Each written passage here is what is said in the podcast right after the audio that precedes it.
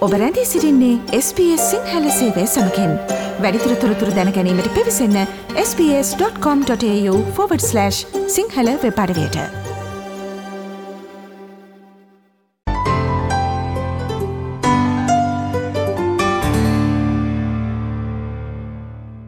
ගෙවී ගිය සතියන්තය පැවැත්වුණු ඔස්ට්‍රලයානු මැතිවරණයෙන් ඔස්ට්‍රලයානුවන් මධ්‍යම රජයේ පාලනය වෙනස් කිරීම සිදු කළා. මේ වන විට පවතින්නේ අලුත් ලේබ ආණ්ඩුවක්. පැවති මැතිවරණයේදී කැපී පෙනෙන ලෙස වෙනස් වුණු මැතිවරණ කොට්ටාශ සහ අපේක්ෂක අපේක්ෂිකාවන් සම්බන්ධව මේ වන විට වාර්තාාවන අලුත්ම තොරතුරු අද අපගේ කාලින තොරතුරු විශේෂාන්ගෙන් ගෙනීමට දැන් සූදානම්. ඔස්ට්‍රලියාවේ තිස් එක් වැනි අග්‍රාමාත්‍යවරයා වශයෙන් ඇන්තනි ඇල්බනීසි සිය පළමු කාර්යභාරය ලෙස තහවුරු කොට සිටියේ ලේබ පක්ෂයේ විදේශමාත්‍ය පෙනී බොං සමගින් ටෝකියෝහි ක්වඩ් නායකින්ගේ රැස්වීමට සහභාගීවීම වනවා. එමෙන්ම හිටපු අග්‍රාමාත්‍ය ස්කොට් මොරිසන් පසුගිය සතියන්තයේ පැවති මෙවර මැතිවරණයේ පරාජය පිළිගත් අතර නව නායකිකු තෝරා ගැනීම සඳහා ලිබරල් පක්ෂයෙන් ඉවත්වීමද සිදුවනවා. මේ අතර ලිබරල් පක්ෂයේ ජේෂ්ඨ සාමාජිකින් මැතිවරණ පරාජ්‍ය සඳහා බලපෑ කරුණු සම්බන්ධයෙන් අවධානය යොමු කිරීමටද නියමිතව තිබෙනවා. ප්‍රධාන මධ්‍යස්ථ ලිබරල් වාදීන් හට දැඩි පීඩනයක් කෙල්ල කළ ස්වාධීන අපේක්ෂකයෙන් කිහිප දෙනෙකු සහ වාර්තාගත පහළ මන්ත්‍රී ආසන සංඛ්‍යාවක් ලබාගත් ග්‍රීන්ස් පක්ෂ අපේක්ෂකින් මෙවර මැතිවරණයේ කැපී පෙනෙන අනිකුත් ජයග්‍රහණ වනවා. ඇන්තනි ඇල්බනීසි සිය කණ්ඩායමද සමග අද උදෑසන ඔස්ට්‍රලයාාවේ තිස් එක්වැනි අග්‍රාමාත්‍යවරයා වශයෙන් දිවුරුම්දීම සිදු කළා. I, Anthony Norman Albanese, do solemnly and sincerely affirm and declare that I will well and truly serve the Commonwealth of Australia, her land and her people in the office of Prime Minister. මෙම පියවර cabinet මණ්ඩලයට සති දෙකකට පෙර නායකයා සහ නියෝජ්‍ය නායකයා දිවුරුම් දුන් කෝෆ් විටලම් ආණ්ඩුව පිළිබඳ සමාන මතකයන් කැඳවෙනවා. කෙසේ නමුත් මෙම සතිය එක්දහස් නවසය හැත්ත දෙක වසරේ තරම් පෙරලිකාර නොවනු ඇති බවට විශ්වාස කරන නමුත් ඉක්මනින් දිවුරුන්දීම හේතුවෙන් නව අග්‍රාමාතිවරයාට සහ විදේශ අමාතිපරයට වඩ රැස්වීම සඳහා ටෝකියෝ වෙතයාමට ඉඩ සලසනවා. එමෙන්ම හිදී ඔවුන් එක්සත් ජනපද ජපාන සහ ඉන්දීය නායකින් හමුවීමටද නියමිතයි. කෙසේ නමුත් පරාජයට පත් හිටපු අග්‍රාමාත්‍ය ස්කොට් මොරිසන් පසුගිය සැනසුරාදා රාත්‍රියයේ සිය පක්ෂ විශ්වාසවන්තීට පැවසුවේ ඔස්ට්‍රලයාාවට ස්ථාවරත්වයක් අවශ්‍ය වන බවයි. I believe it's very important that this country has certainty. I think it's very important this country can move forward. And particularly over the course of this week, with the important meetings that are being held in Tokyo, I think it's vitally important that there's a very clear understanding about uh, the government of this country. මෙය ලේබ පක්ෂයේ වසන නවයකට පසු ඇති වූ නව පිබිදීම වන අතර ලේබ පක්ෂ අපේක්ෂිකා සැලිස්ට පක්ෂය හැරී ඇති ආසන අතුළොස්සකින් එකක් දරනවා. තම පක්ෂයේ ප්‍රමුඛතාගෙන හැරදක්වමින් අන්තනි අල්බනීසි සඳහන් කරන්නේ ඔස්ට්‍රලයාාවට එක්ව දේශගුණික ගැටලු නිරාකරණය කළ හැකි වන අතර වයස්ගත රැකවරණ අර්බුදය නිරාකරණය කිරීම ඇතුළු ගැටලු රාශියක්ද නිරාකරණය කළ හැකි බවයි. Together we can end the climate wars. Together we can fix the crisis in aged care. Together we can make full and equal opportunity for women a national economic and social priority. Together we can and will establish a national anti-corruption commission. උළුරු ප්‍රකාශය අත්සන් කර වසර පහකට පසු ස්වදේශීය හඬක් පාර්ලිමේන්තුවට ගෙනීමට කැපවීමක් සිදු කරන බවත් ඔහු පවසනවා. Together we can embrace the Uluru Statement from the Heart. We can answer its patient, gracious call for a voice enshrined in our Constitution because all of us ought to be proud that amongst our great multicultural society, we count the oldest living continuous culture in the world.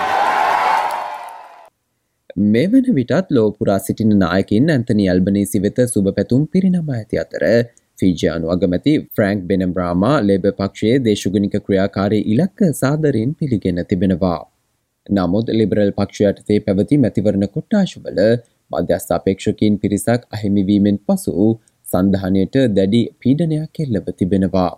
එමෙන්ම මේ හේතුවෙන් මීළඟ පාර්ලිමේන්තුවේදී දේශගුණික ක්‍රියාමාර්ග සහ අකණ්ඩතා කොමිසමක් සඳහා වැඩි පීඩනයක් එල්ලවනු ඇති බවත් විශ්වාස්ත කෙරෙනවා.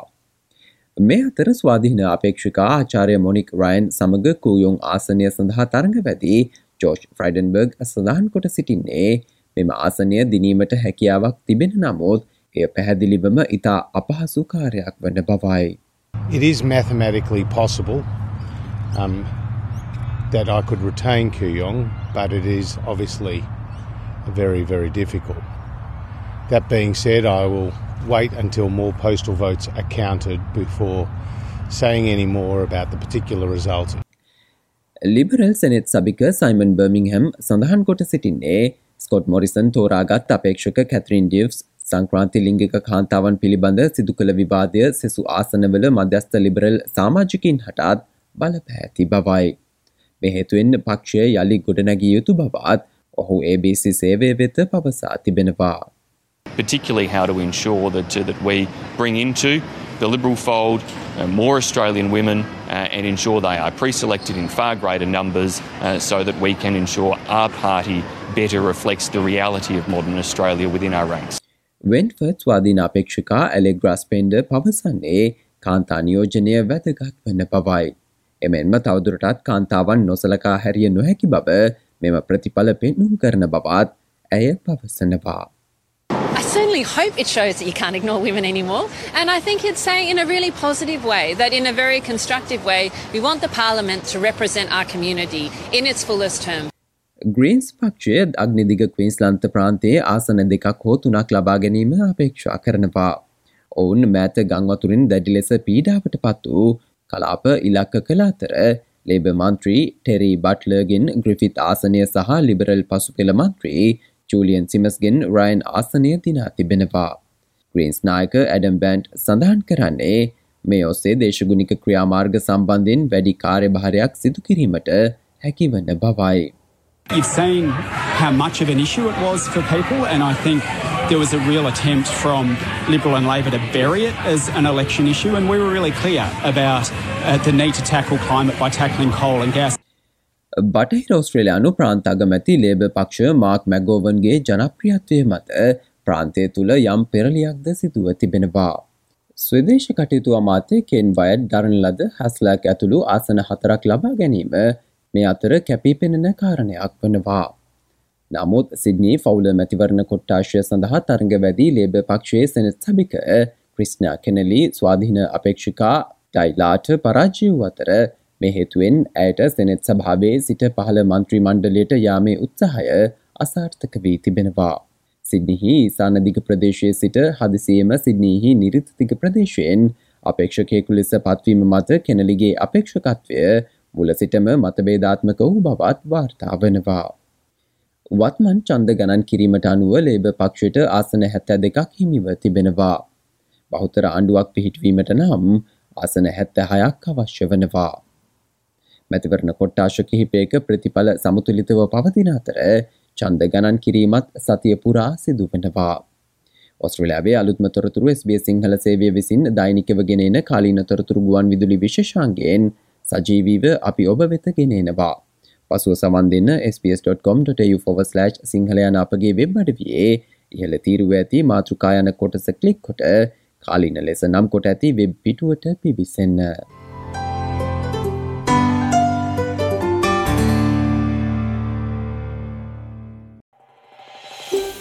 මේ වගේ තවත්තොරතුරු දැනගන්න කැමතිද.